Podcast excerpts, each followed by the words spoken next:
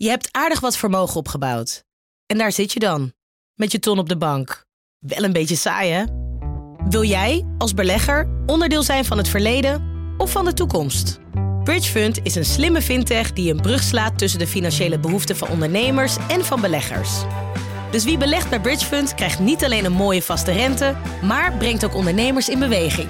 Echt waar, met die ton kan je zoveel betere dingen doen. Bridgefund. Make money smile. Benzine en elektrisch. Sportief en emissievrij.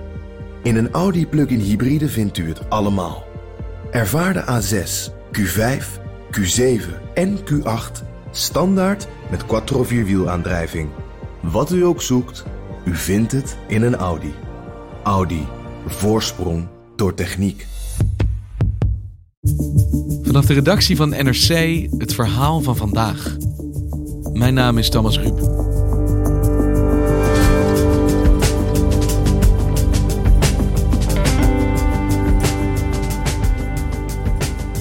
Het mag met recht een spectaculaire comeback worden genoemd. De stemmen van Super Tuesday zijn geteld en niet favoriet Bernie Sanders, maar oud-vicepresident Joe Biden is de grote winnaar. Een cruciaal moment in de race om de democratische presidentsnominatie. Maar nee, ziet Amerika-correspondent Bas Blokker. Biden is er nog niet.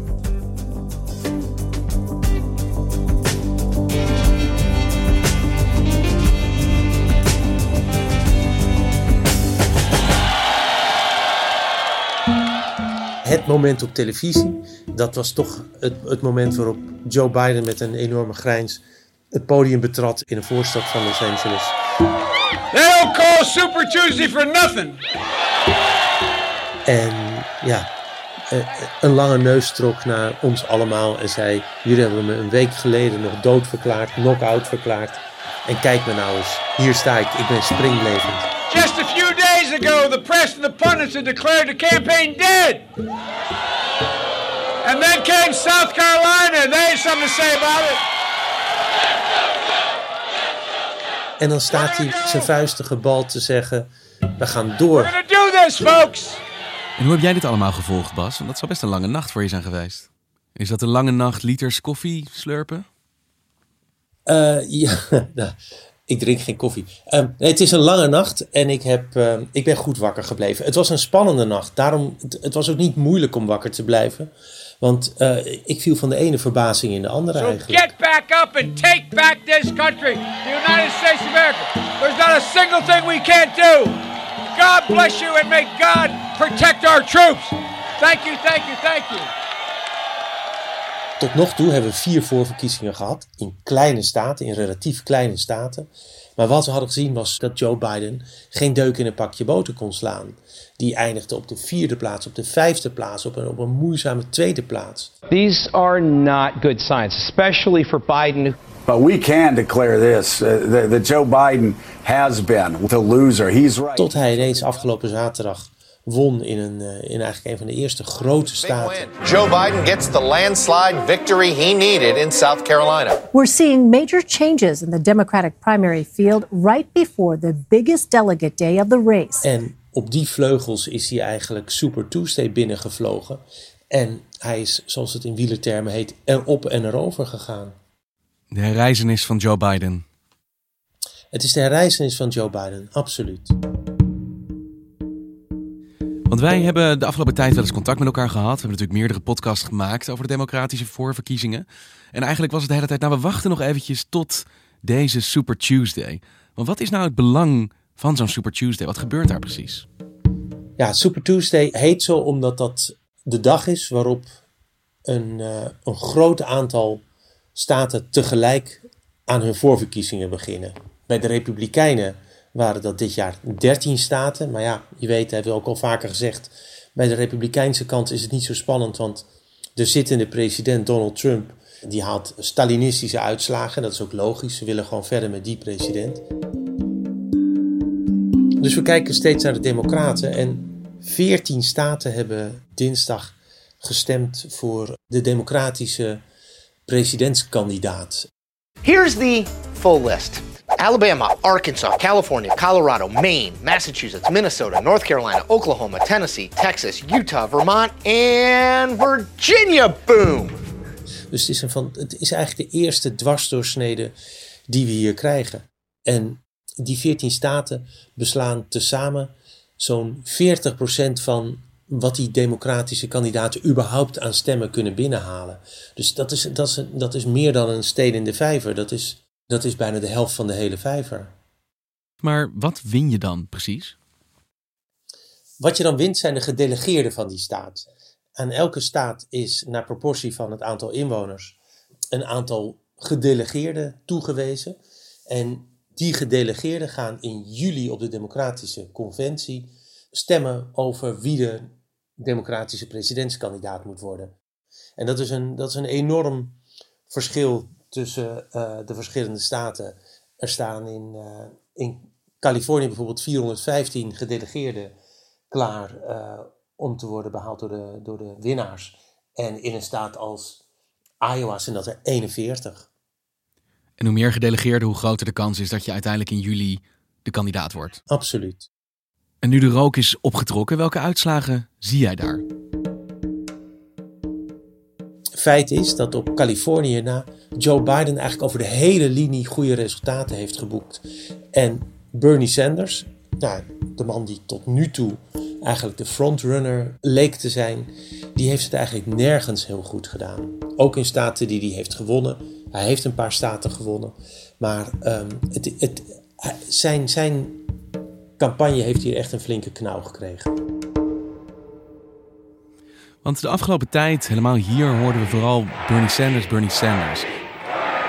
Ladies and gentlemen, the next president of the United States, Senator Bernie Sanders.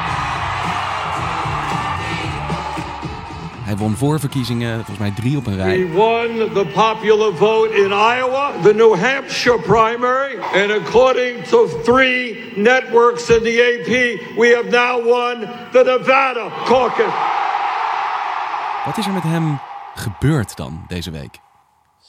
Het, het ligt niet aan zijn boodschap. Hij heeft zich niet vergalopeerd in een debat. Er is eigenlijk niks misgegaan. Er is alleen iets veranderd in de dynamiek van de race. Toen zijn um, twee rivalen op zijn flank van de Democratische Partij. Die hebben besloten, wij stappen uit de race. Breaking right now, Senator Amy Klobuchar has announced that she is suspending her campaign. Pete Buttigieg, we understand, is suspending his campaign. So we have some breaking news, though, folks. Beto O'Rourke is dropping out of the Democratic oh. race. Uh, ja, dus zij zijn echt opgestapt ten faveur van Joe Biden. Niet alleen omdat ze hun eigen kans niet meer inzagen, maar het was eigenlijk een soort teamwork met hem. Dat denk ik wel. En dat deden ze niet voor niks voor Super Tuesday. Want ze hebben onmiddellijk ook tegen hun kiezers gezegd: Ik vind dat jullie, mijn kiezers tot nu toe, dat jullie vanaf nu Joe Biden moeten steunen. Our goal has always been to help unify Americans March to 3rd. defeat Donald Trump and to I will be casting my ballot for Joe Biden. Joe Biden for president. Maar het heeft wel iets betekend. Ze wisten dat dit het moment was om invloed uit te oefenen op het democratische presidentsrace. En dat is heel belangrijk geweest, want Beto O'Rourke was een mateloos populaire politicus uit Texas. En het feit dat hij ook Biden heeft endorsed, heeft Biden misschien de overwinning in Texas bezorgd. Want die heeft hij vannacht behaald. En dat is een ongehoorde verrassing. Iedereen was ervan uitgegaan dat Bernie Sanders Texas zou winnen. En dat is niet gebeurd. Want heb jij het idee dat ten opzichte van die voorspellingen dat Sanders hier de favoriet is en dat dus niet blijkt te zijn, dat de VS of de democratisch VS van mening is veranderd? Of hebben we die mening nu pas echt goed kunnen uitlezen? Ja, dat, dat laatste is het geval, Thomas. Bernie Sanders heeft met zijn electoraat een high floor en een low ceiling. Ik zeg maar even op zijn Engels. Het betekent dus dat hij heeft hele trouwe supporters. En die, wat er ook gebeurt, die stemmen op Bernie Sanders. Maar buiten dat segment van trouwe supporters heeft hij eigenlijk verrassend weinig steun. En we hebben het nu over Sanders en Biden, maar de naam die we eigenlijk heel veel in de aanloop hier naartoe hoorden was Michael Bloomberg. Hoe is het hem nou precies vergaan? Uh, Bill de Blasio zat gisteren in een van de vele tv-na- en voorbeschouwingen. En die, uh, dat is de huidige burgemeester van New York, opvolger van Mike Bloomberg. En die zei er is tenminste één goed iets voor de democratie gebeurd vandaag. Er is gebleken dat je uh, verkiezingen in Amerika niet kunt kopen. If I had said to you, I'm going to put a quarter billion dollars on the table, am I a sure winner? I, I think we all would say, yeah, that's probably an unbeatable dollar figure. The fact that tonight he's won essentially nothing? Wow, democracy is actually functioning, my friends. En dat was een, uh, dat is een verwijzing naar Mike Bloomberg, die ongehoord veel geld in zijn uh, campagne heeft gestoken. Hij heeft alle kaarten had hij gezet op Super Tuesday en hij heeft ongelooflijk veel geld daarbij uh, weggesmeten. Hij heeft tv-spotjes gekocht. Ik, ik zal even een voorbeeldje geven, dan snap je een beetje de proporties. Oké. Hij heeft in North Carolina en Virginia tezamen 40 keer zoveel geld aan, aan reclamespotjes uitgegeven als Joe Biden. Bloomberg gaf daar 18,4 miljoen dollar uit. En wat is het resultaat? Joe Biden heeft in die twee staten uh, in totaal 100 gedelegeerden gewonnen. Bloomberg kreeg in die staten 0. Dus uh, geen verrassing dat woensdagochtend ik wakker werd en het bericht las dat Mike Bloomberg zijn race heeft gestaakt, zijn campagne heeft neergelegd en dat hij zijn aanhangers opriep om voor Joe Biden te stemmen, mijn vriend en een grote Amerikaan, schreef hij in een mailtje. Ja, het is al met al voor hem een vrij dure grap geweest dit. Ja, het, het, het wordt gezegd dat hij zo'n 700 miljoen dollar heeft verstookt aan, uh, aan, aan de voorbereiding op deze ene dag. Hey, en Elizabeth Warren, ik bedoel, we hebben in het najaar met elkaar ja. gesproken. En zij was de kandidaat waarvoor mensen in de rij stonden om selfies te nemen. Die ja. juichte als zij alleen maar het woord plan uitsprak. Waar ja. is zij? Ja, nou dat is, dat is eigenlijk het grote raadsel van de verkiezingen. Want inderdaad, ze had op een gegeven moment een bijeenkomst in New York waar 20.000 mensen op afkwamen. En waar ze vier uur lang in de rij stonden om met haar op de foto te kunnen. I will stay as long as you want and we'll do selfies forever. The real measure of democracy, more than 50,000 selfies. Dus dat zag er nogal sensationeel uit. Ergens is het een beetje gaan wapperen. En wat mijn theorie is, maar goed, nou ben ik net zo'n uh, pundit als ze bij CNN hebben, maar toch.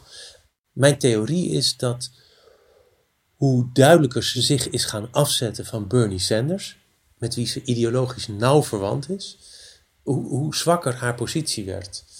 Ze heeft kort gesproken, heel vroeg in de avond, en toen is ze er tussenuit gepiept, zeg maar. Want ze heeft, niet, ze heeft eigenlijk dus niet veel over de uitslagen gezegd, maar ze is weggegaan en ik kreeg even later een mailtje van haar. Uh, net zoals waarschijnlijk honderdduizenden andere Amerikanen. Ja. Waarin ze zei: wij, Ik kijk over Super Tuesday heen naar de volgende zes staten waar verkiezingen worden gehouden. Met andere woorden, uh, ze wil nog niets van opgeven weten. Maar zie ik het nou goed dat er, tenzij er iets heel geks gebeurt, we eigenlijk vrijwel zeker doorgaan met twee oude witte mannen? Ja, uh, uh, als je zegt oud, dan ben je nog vriendelijk, Thomas.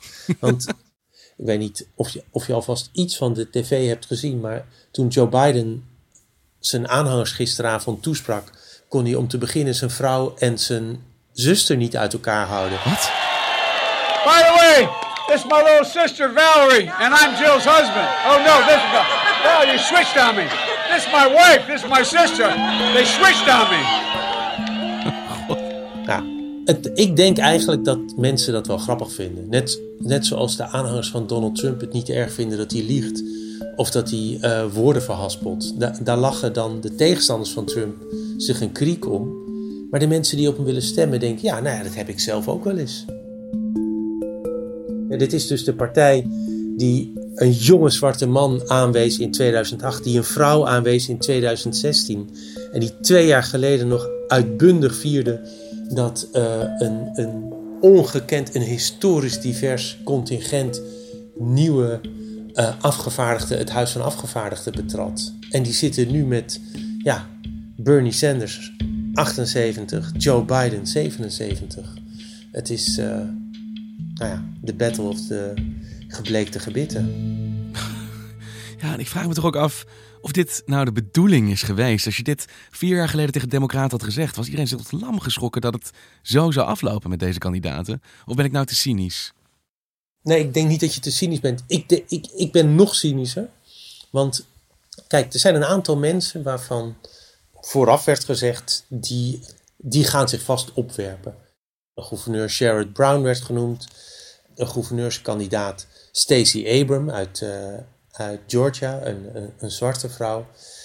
Die mensen hebben de buurt allemaal voorbij laten gaan. En ik denk wel eens dat zij een inschatting maken dat het lastiger is om een zittende president na zijn eerste termijn uit zijn stoel te wippen, dan om na twee termijnen van zo'n president zelf president te worden. Dus die dachten misschien, we verschieten ons kruid als we nu al ja. proberen. Ja, waarom zouden we meedoen in een race waar de kansen eigenlijk niet in jouw voordeel zijn? En dat is, dat is een cynische gedachte, want dat betekent dus dat die mensen hun beste krachten niet wilden inzetten tegen een president die, die de Democraten eigenlijk over de hele linie als een, uh, als een gevaarlijke president uh, beschouwen.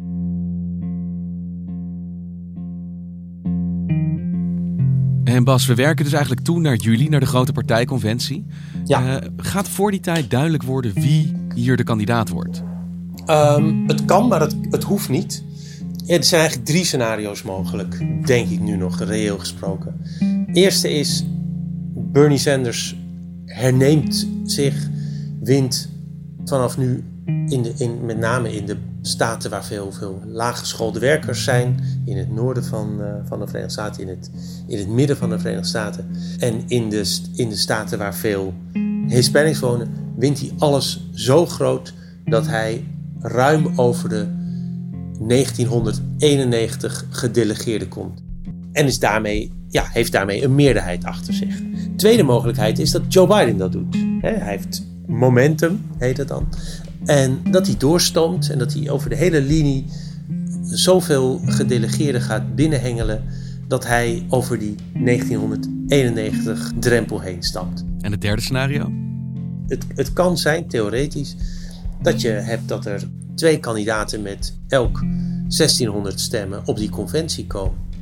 Ja, en dan wordt het in die drie dagen dat het duurt, vier dagen dat het daar duurt, een, een flink slagveld voor de klapdeurtjes, zeg maar. Maar vooral in de achterkamertjes. Want dan, dan worden echt, denk ik, alle trucs uit de kast gehaald om ervoor te zorgen dat Joe Biden wel en vooral Bernie Sanders niet gaat winnen.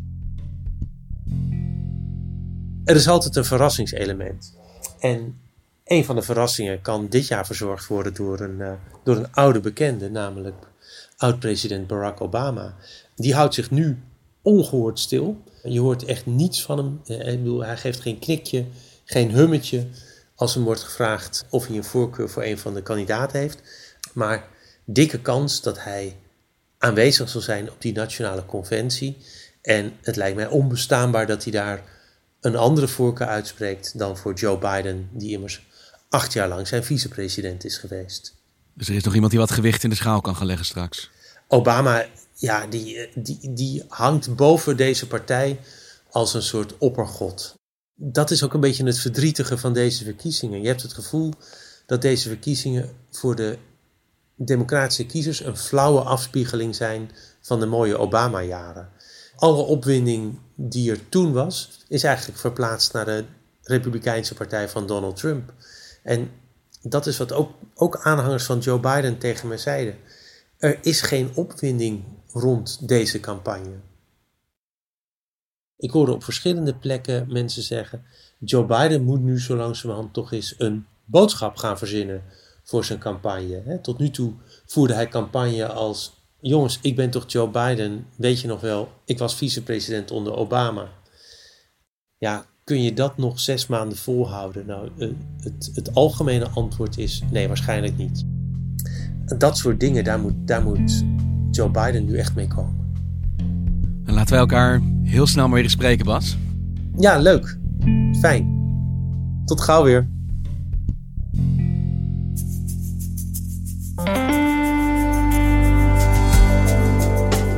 Je luisterde naar vandaag, een podcast van NRC.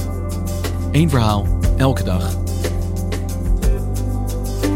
Dit was vandaag, morgen weer.